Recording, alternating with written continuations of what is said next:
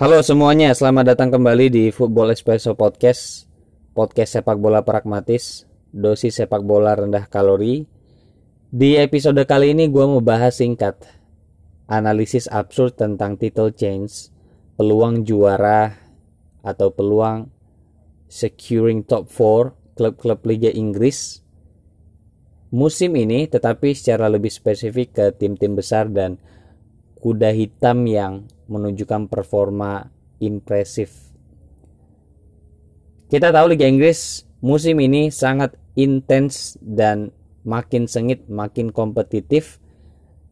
Bahkan spekulasi mulai bertebaran di berbagai macam media kalau jelas the best team won dan itu bakal sangat ikonik sekali tim yang bakal juara di Liga Inggris musim ini dan kemungkinan poin akhir dari sang juara ini paling banter 80 karena saking sengitnya kompetisi musim ini. Liga Inggris dipenuhi oleh pelatih-pelatih fenomenal dan punya track record yang sangat luar biasa. Mulai dari pelatih mantan pemain klub seperti Mikel Arteta di Arsenal, Frank Lampard di Chelsea dan Ole Gunnar Solskjaer di Manchester United, pelatih-pelatih yang punya uh, prestasi yang sangat luar biasa seperti Jurgen Klopp, Pep Guardiola dan Jose Mourinho, Carlo Ancelotti di Everton.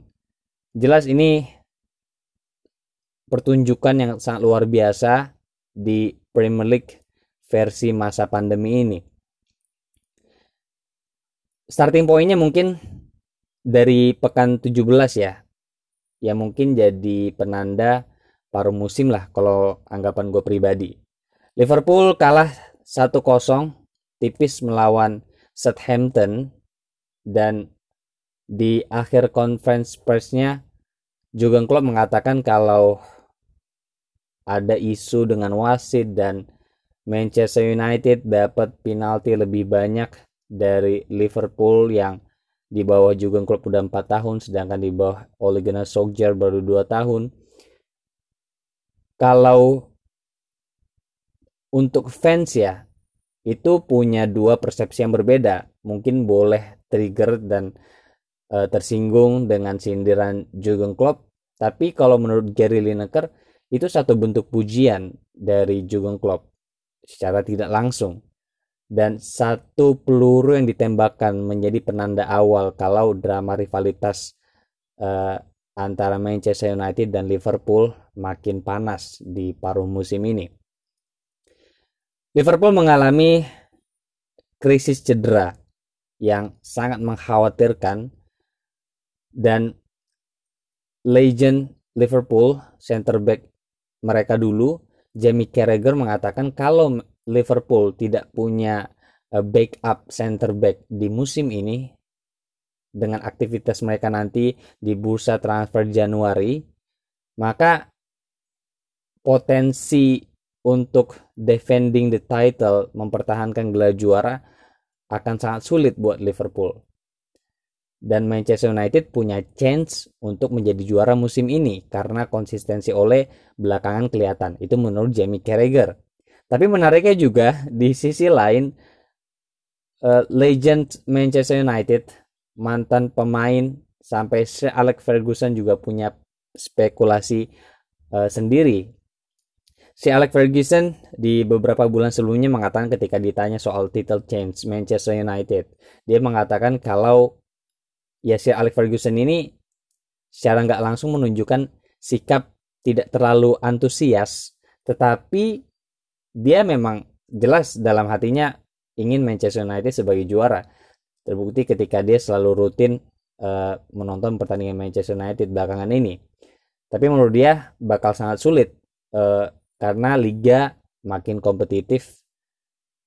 Tapi dia juga memberikan pujian kepada Rashford dan Juan Mata tentang aktivitas uh, kemanusiaan yang dilakukan, uh, charity activity yang dilakukan di luar lapangan. Nah, legend-legend yang lain, Roy Keane mengatakan kalau Liverpool tetap jadi favorit yang juara. Manchester United punya harapan untuk juara, tetapi uh, dia menganggap uh, sangat sulit untuk memprediksi karena Jurgen Klopp kita tahu orang yang detail. Jadi Roy Keane mengatakan Manchester United dan Manchester City meskipun belakangan ini menunjukkan performa yang luar biasa tetap kukuh bahwa Liverpool favorit juara musim ini. Hal yang sama juga dikatakan oleh Phil Neville. Dia mengatakan juga Liverpool favorit dan malah Gary Neville ragu kalau Manchester United bisa juara. Tentu ya ini narasi-narasi dari uh, para legends klub masing-masing yang mungkin supaya tidak terlalu ada eskalasi yang makin memanas di antara kedua tim.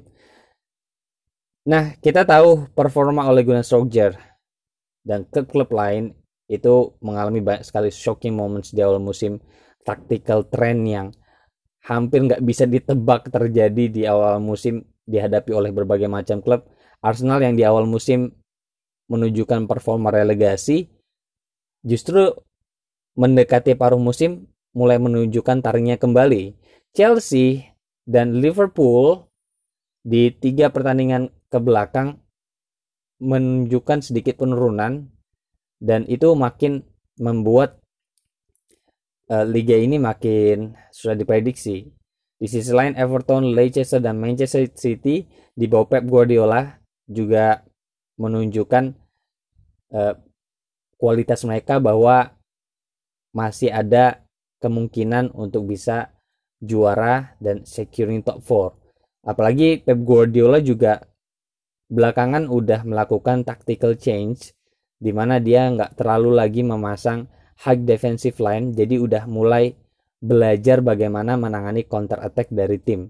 Belakangan ini kan Pep Guardiola tetap kekeh main possession based, main ekspansif, tapi ternyata sering kecolongan dan uh, dari segi finishing juga mengalami banyak sekali kebuntuan. Cuman chance-nya masih sangat besar untuk bisa memuncaki klasemen di Liga Inggris musim ini.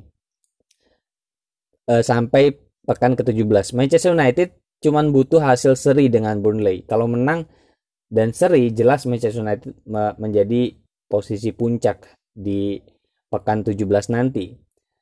Tetapi the biggest test atau tes terbesar yang dihadapi oleh Ole Gunnar Solskjaer adalah nanti ketika berhadapan dengan Manchester City di Carabao Cup karena ya meskipun kita tahu eh, anggapan tentang Carabao Cup gimana dari segi prestisiusnya tetapi ketika berhadapan dengan Manchester City di situlah eh, waktu yang tepat untuk Ole Gunnar Solskjaer membuktikan bahwasanya eh, strateginya ini tepat atau tidak ketika berhadapan dengan tim-tim besar.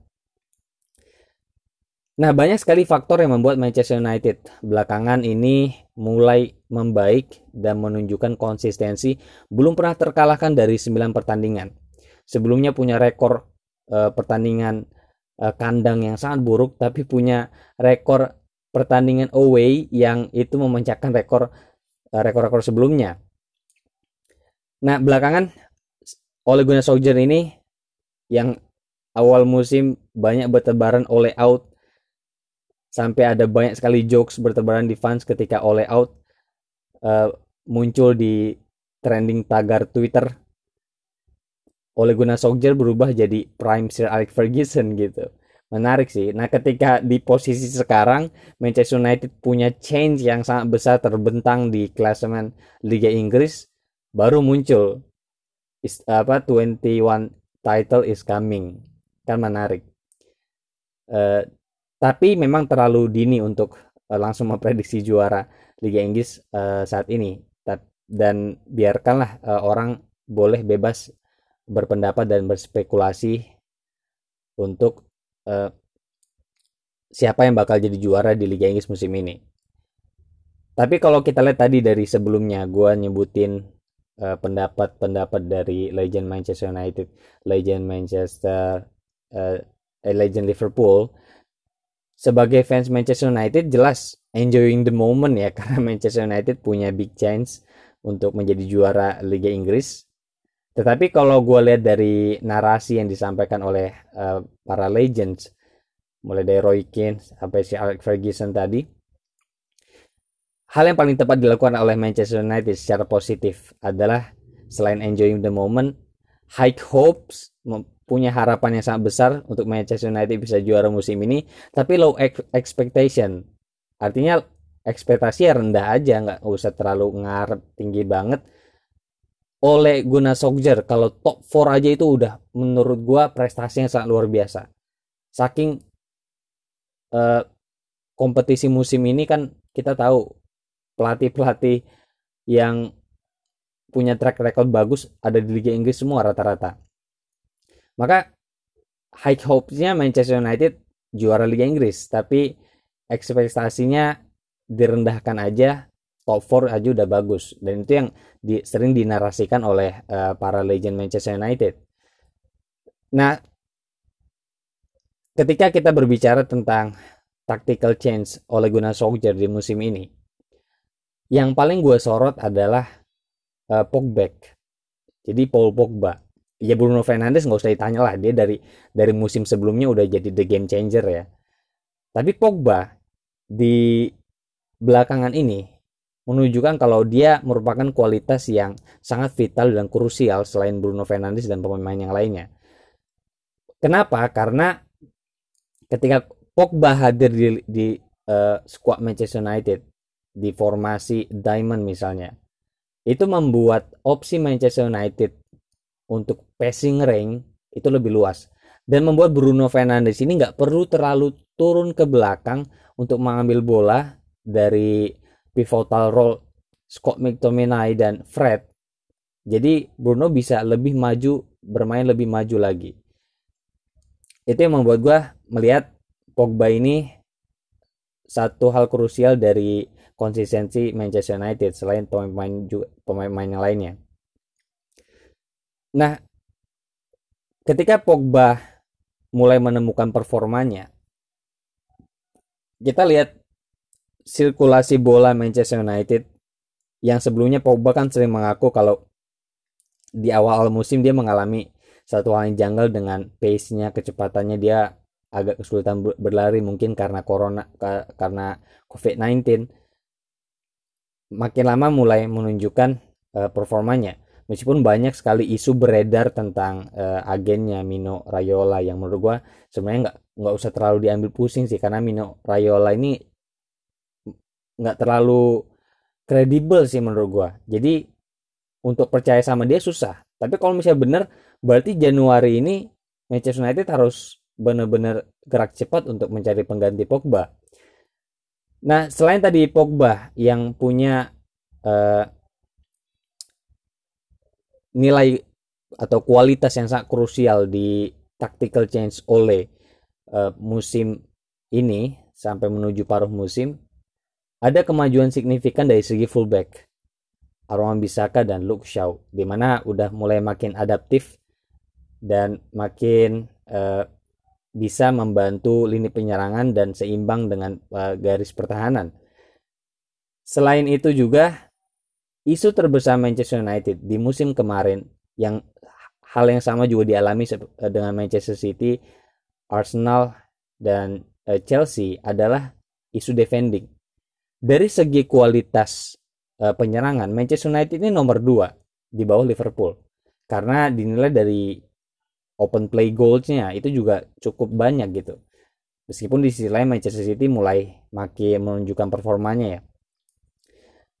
Nah karena isu bertahan ini yang jadi masalah terbesar Manchester United dan tim-tim yang lain maka paradigma bertahan udah makin kelihatan dari Ole Gunnar Solskjaer, habis itu uh, Pep Guardiola dan Arteta di mana mereka udah mulai uh, disiplin pivotal role double uh, six yang jadi backup untuk center back. Nah, double six ini menurut gua sangat krusial untuk setiap tim di Liga Inggris. Chelsea memainkan double eight, bahkan sesekali Havertz kita nggak tahu posisinya yang jelasnya di mana. Kante kesusahan jadi main pivot untuk garis pertahanan dan backup uh, center back di mana dia sering sekali melakukan uh, kesalahan dan tackle-tackle yang itu sangat membahayakan uh, garis pertahanan Chelsea karena berada di area yang sangat berbahaya di sekitar kotak penalti. Dan Lampard belum menemukan solusi ketika tidak ada Ziyech sehingga hal inilah yang jadi isu terbesar untuk Chelsea. Cuman untuk Chelsea nanti gue bakal bahas di uh, lebih spesifik lagi nanti. Nah itulah yang menurut gue secara garis besar title chance di Manchester United ini sangat terbuka lebar sebenarnya. Tinggal di match-match selanjutnya ini apakah bisa konsisten. Mungkin titik balik ada ketika nanti pertandingan melawan Manchester City di Carabao Cup dan Liverpool di tanggal 17 Januari nanti. Nah gitu. Di sisi lain juga Manchester United mendatangkan Darren Fletcher di bagian staff kepelatihan untuk membantu Ole Gunnar Solskjaer. Kalau kata fans Manchester United ini Darren Fletcher datang uh, Scott McTominay bakal berubah jadi prem Ruud Gullit ya karena kita tahu lah Darren Fletcher ini meskipun dulu menurut gua nggak jadi regular starter ya di squad Sir Alex Ferguson tetapi selalu ada di pertandingan-pertandingan besar dan pertandingan-pertandingan krusial Manchester United. Nah itu yang menurut analisis absurd gue pribadi. Nah ke depannya gue serahkan kepada para pendengar dan spekulasi kalian bakal didengarkan di Instagram kami atau di sosial-sosial media yang uh, membagikan podcast ini. Jadi silakan spekulasi kalian bisa ditunjukkan, analisis pribadi kalian nanti ditunjukkan uh, ke depannya gitu. Mungkin dari segi drama rivalitas uh, Liverpool dan Manchester United sejarahnya bakal gue bahas di edisi lebih spesifik selanjutnya gitu. Sampai ini aja edisi Football Espresso Podcast. Sampai ketemu di sesi selanjutnya. See you next time.